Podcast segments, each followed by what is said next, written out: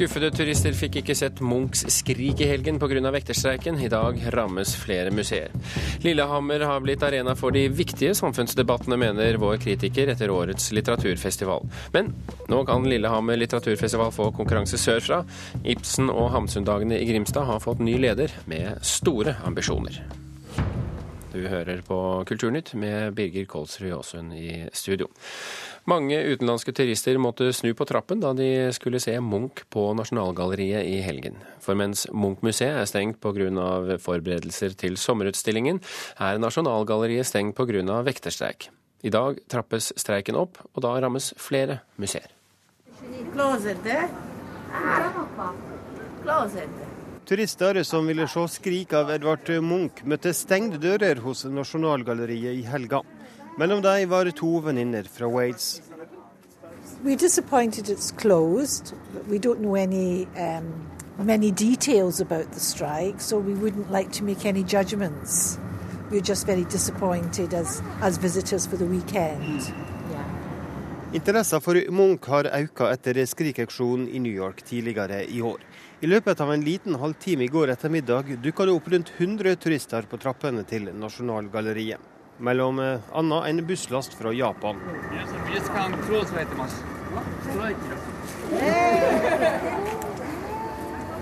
Medan Munch-museet holder stengt fordi de lager sommerutstilling, må Nasjonalgalleriet stenge dørene pga. vektestreiken. Kommunikasjonssjef Jean-Yves Gallardo sier at de har fått en del reaksjoner på at de holder stengt. Ja, vi har fått uh, en del reaksjoner fra uh, spesielt det utenlandske publikum, altså turister. Uh, som ønsket selvfølgelig å se Munch i Nasjonalgalleriet. Og ofte så har de da noen få dager, noen få timer til rådighet for å oppleve kunst. Og administrerende direktør Tor Sannerud i reiselivsselskapet Visit Oslo har også merka pågangen. Nei, De sier at de har liten forståelse for at uh, det er to museer som, med, uh, som, viser Munch, og at de begge to er stengt uh, midt i, midt i Uh, og Vi forsøker å forklare de så godt vi kan. Vi kan at det ene museet er stengt pga. Uh, at det skal ha ny utstilling, og det andre er dessverre stengt pga. streik. Men folk syns det er rart. De siste åra har det blitt vanligere at vektere står for vaktholdet ved museene våre. Derfor kommer flere institusjoner til å bli ramma når streiken blir trappa opp i dag. Mellom dem er Kulturhistorisk museum i Oslo, Vikingskipmuseet og Kunstmuseet i Bergen. Forbundsleder Erna Hagensen i Arbeidsmannsforbundet forstår at mange turister er skuffa. Ja, det er klart jeg forstår det. Det er det samme som når vi er eh, turister ute i Europa. Og vi har jo sett ute i Europa den senere tiden at det har vært veldig mye streiker. Så det er klart eh, eh, vi også blir jo skuffa når vi ikke får den opplevelsen som eh, vi hadde forestilt oss at vi skulle få. Men dersom streiken blir langvarig, frykter Tor Sannerud i Visit Oslo, det kan skade Norge som turistmål. Konsekvensen er jo at uh, turister som kommer hit, ikke får de opplevelsene som de hadde planlagt. og, og det vil jo etterlate seg et, et, mindre, et mindre, positivt inntrykk uh, hos turister. og det er de som har vært der, som er våre fremste ambassadører på markedsføringssiden. Så vi er helt avhengig av at vi kan eh, sende fornøyde turister tilbake igjen til sine respektive hjemland. Men for venninnene fra Wales var det heldigvis et alternativ i går ettermiddag. We are going to try and catch a bus to the um, sculpture park. Yeah. Do you think it'll be open? you think so? Yes, yes. yes okay. Yes. There we are. So we, that's our next uh, plan. Yes. Det ble Vigelandsparken på de to venninnene fra Wales. Reporter i denne saken, det var Espen Alnes.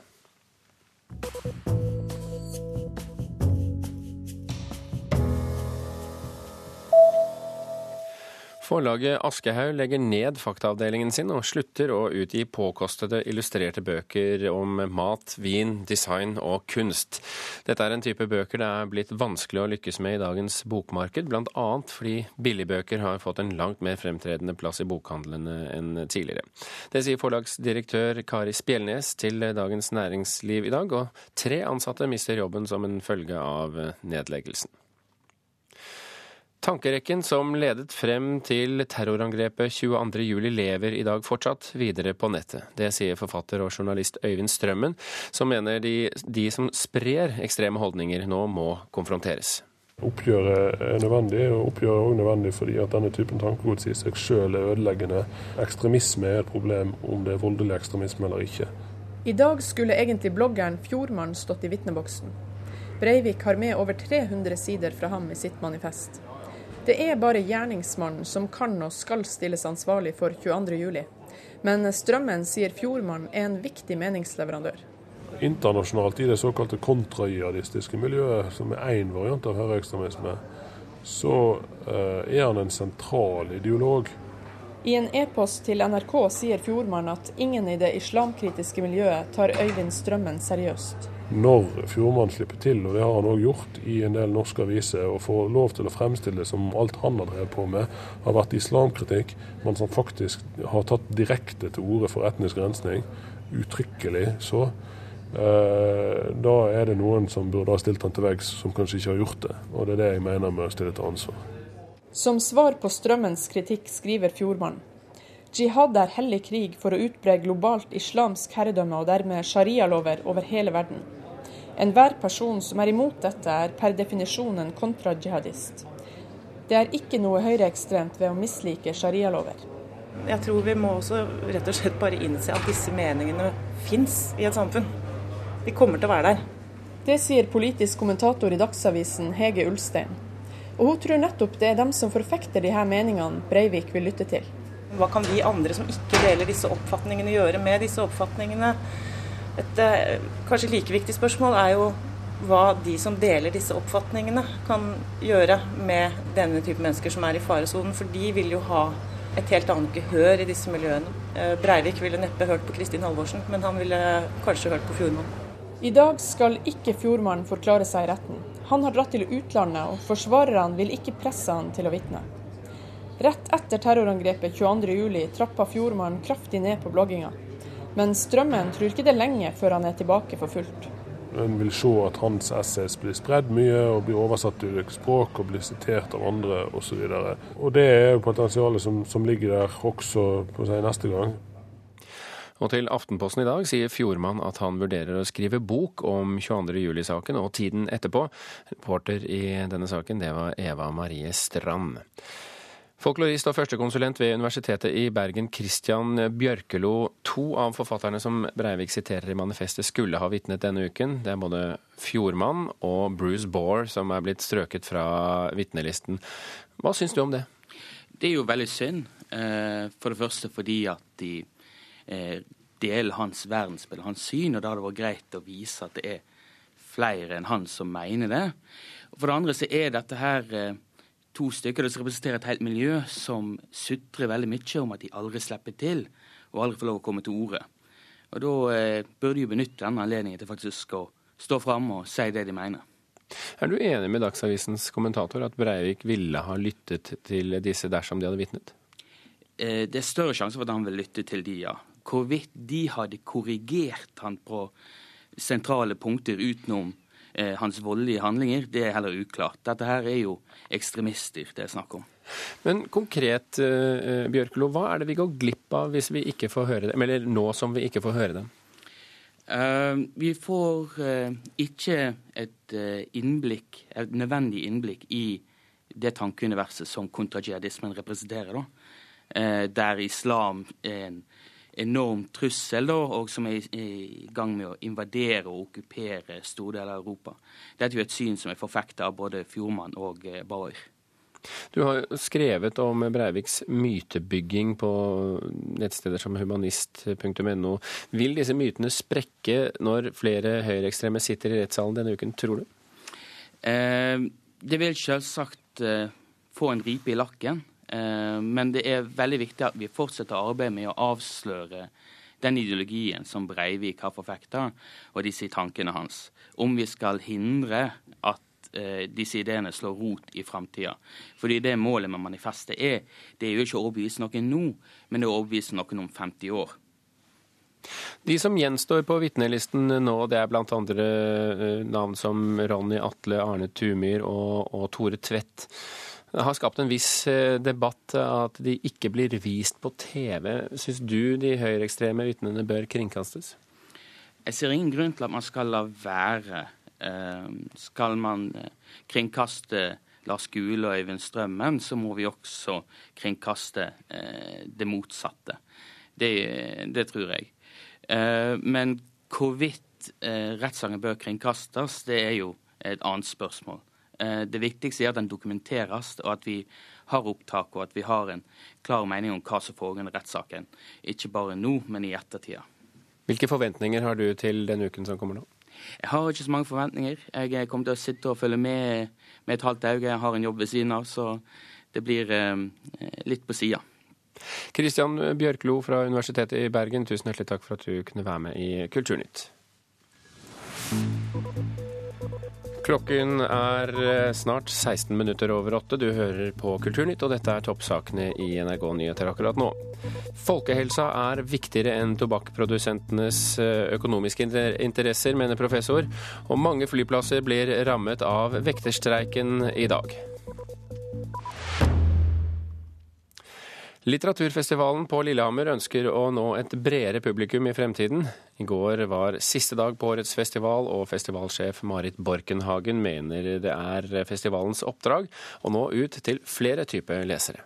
Vi skal være en festival for alle typer lesere, og det er viktig for oss å både kunne nå barn og ungdom, nå den tradisjonelle skjønnlitterære leseren, men også å, ha, å være interessant for folk som er opptatt av debatt sakprosa og, og, og samfunnsspørsmål, rett og slett. Årets festival var eh, godt besøkt tross dårlig vær, men endelige tall de er ikke på plass ennå. Knut eh, Hoem, eh, litteraturkritiker her i NRK. I går ble altså litteraturfestivalen avsluttet. Seks dager med forfattermøter, debatter, og hovedtemaet var penger. Hvordan vil du oppsummere årets festival? Nei, jeg vil oppsummere den som en eh, festival som kanskje har vært bredere og mer vesentlig enn på mange år. Og det handler om at de helt klart eh, har satset mer på å være en aktør i den brede samfunnsdebatten. Altså Det er jo ganske talende når jeg sitter på toget oppover og sitter sammen med sjeføkonomer i First Securities og professorer i økonomi. Temaet var jo penger, og man kunne faktisk eh, gjennom hele onsdagen gå gjennom gå fra arrangement til arrangement med en svak interesse for litteratur, men en stor interesse for økonomi, og bli fullstendig tilfredsstilt. Men hvordan klarte de kombinasjonen litteratur og penger? Nei, det var eh, morsom eh, eh, ble gjort morsom forskning på hvordan norsk skjønnlitteratur forholder seg til penger under festivalen. Eh, så det var flere interessante paralleller eh, der. Men eh, jeg tror det viktige som har skjedd nå, er jo at det er en interesse for samfunnsspørsmål i litteraturen nå. Den følelsen av nummenhet og uvirkelighet som kanskje preget norsk litteratur på litt 90-tallet, den er erstattet av en virkelighetslengsel, som litteraturkritiker i Morgenbladet Arne Farsetås sier i en ny bok. Det er en riktig analyse. Og det beiler også festivalen. Eh, forfatteren er blitt, er forhold, ser seg sjøl nå som en samfunnsaktør som, har, som er viktig, og som trengs. Og det syntes eh, bl.a. i forbindelse med økonomi i Europa, men også f.eks. med i forhold til debatten om Syria og hva som skal skje der og eh, andre steder i verden. Litt også fordi at Adonis, eh, denne forfatteren, var eh, med på festivalen, kanskje? Ja, og han er ingen ukontroversiell figur. Han ble blitt kritisert for å være for vennlig innstilt mot Assad-regimet.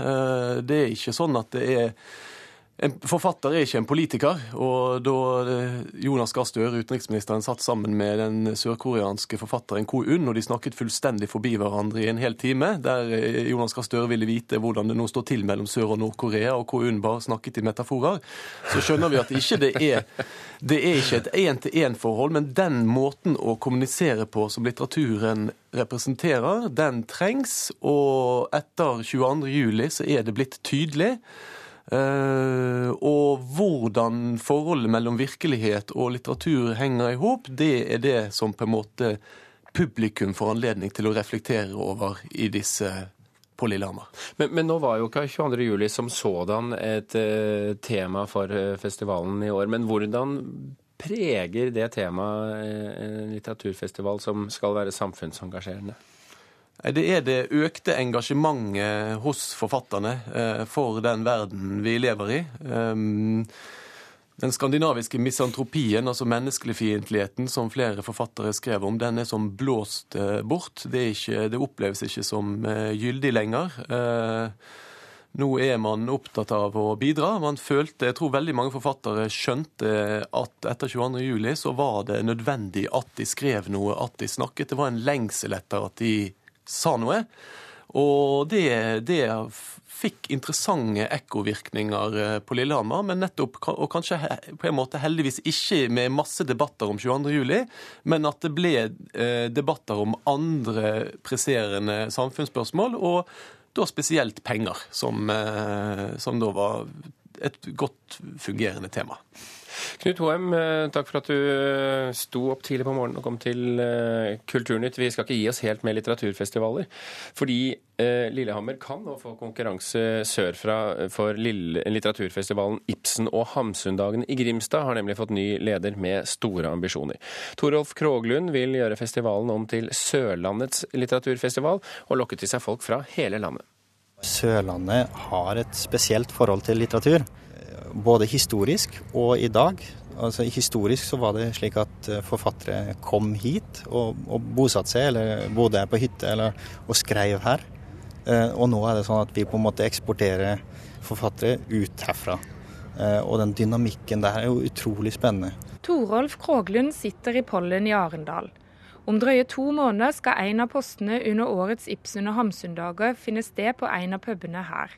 Hamsun-biograf Ingar Sletten Kolloen skal snakke om forholdet mellom Knut Hamsun og Gabriel Scott. Det er ganske morsomt. Det har ikke vært, har ikke vært så mye pirka i eh, litteraturmessig. Siden 1989 er det blitt arrangert først en rein Ibsen-festival, og deretter kombinerte Ibsen- og Hamsun-dager i Arendals naboby i vest, Grimstad, hvor begge forfatterne bodde deler av sine liv. Nå skal festivalen spres over flere byer på Sørlandet. Først og fremst så er det jo for å trekke folk fra andre byer til Grimstad, hvor, som er festivalbyen. Eh, men så er det også for å forankre disse dagene i, i flere byer eh, langs Sørlandet. Fordi hele Sørlandet har jo et forhold til eh, både Ibsen og Hamsun, og spesielt Hamsun. da. Og det ønsker vi å markere da. Stiftelsen Ibsen og Hamsun Grimstad, som står bak arrangementet, ønsker imidlertid ikke bare å trekke til seg folk fra sørlandsbyene, men fra hele landet. Alt starter jo med et godt innhold, og jeg er ganske sikker på at vi har et eh, veldig godt innhold allerede i år. Og så ønsker vi å på en måte utvide det til neste år igjen, da. Festivalen skal ikke bare handle om Ibsen og Hamsun, men også om samtidslitteratur og dynamikken mellom historien og det som er i dag. En av Sørlandets for tida mest suksessrike forfattere, Gaute Heivold, er blant de som skal bidra. Fra Sørlandet har det det siste kommet veldig mange eh, nye interessante forfattere. Så jeg syns det er på sin plass med en, med en litteraturfestival i landsdelen.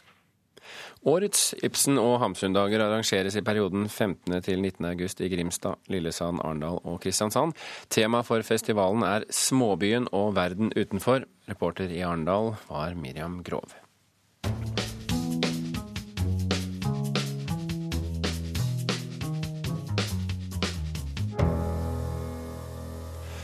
Den svenske forfatteren Mikael Niemi, mest kjent for den energiske oppvekstromanen Populærmusikk fra Vittula, er nå ute med ny ungdomsbok, ny ungdomsbok Bom dem.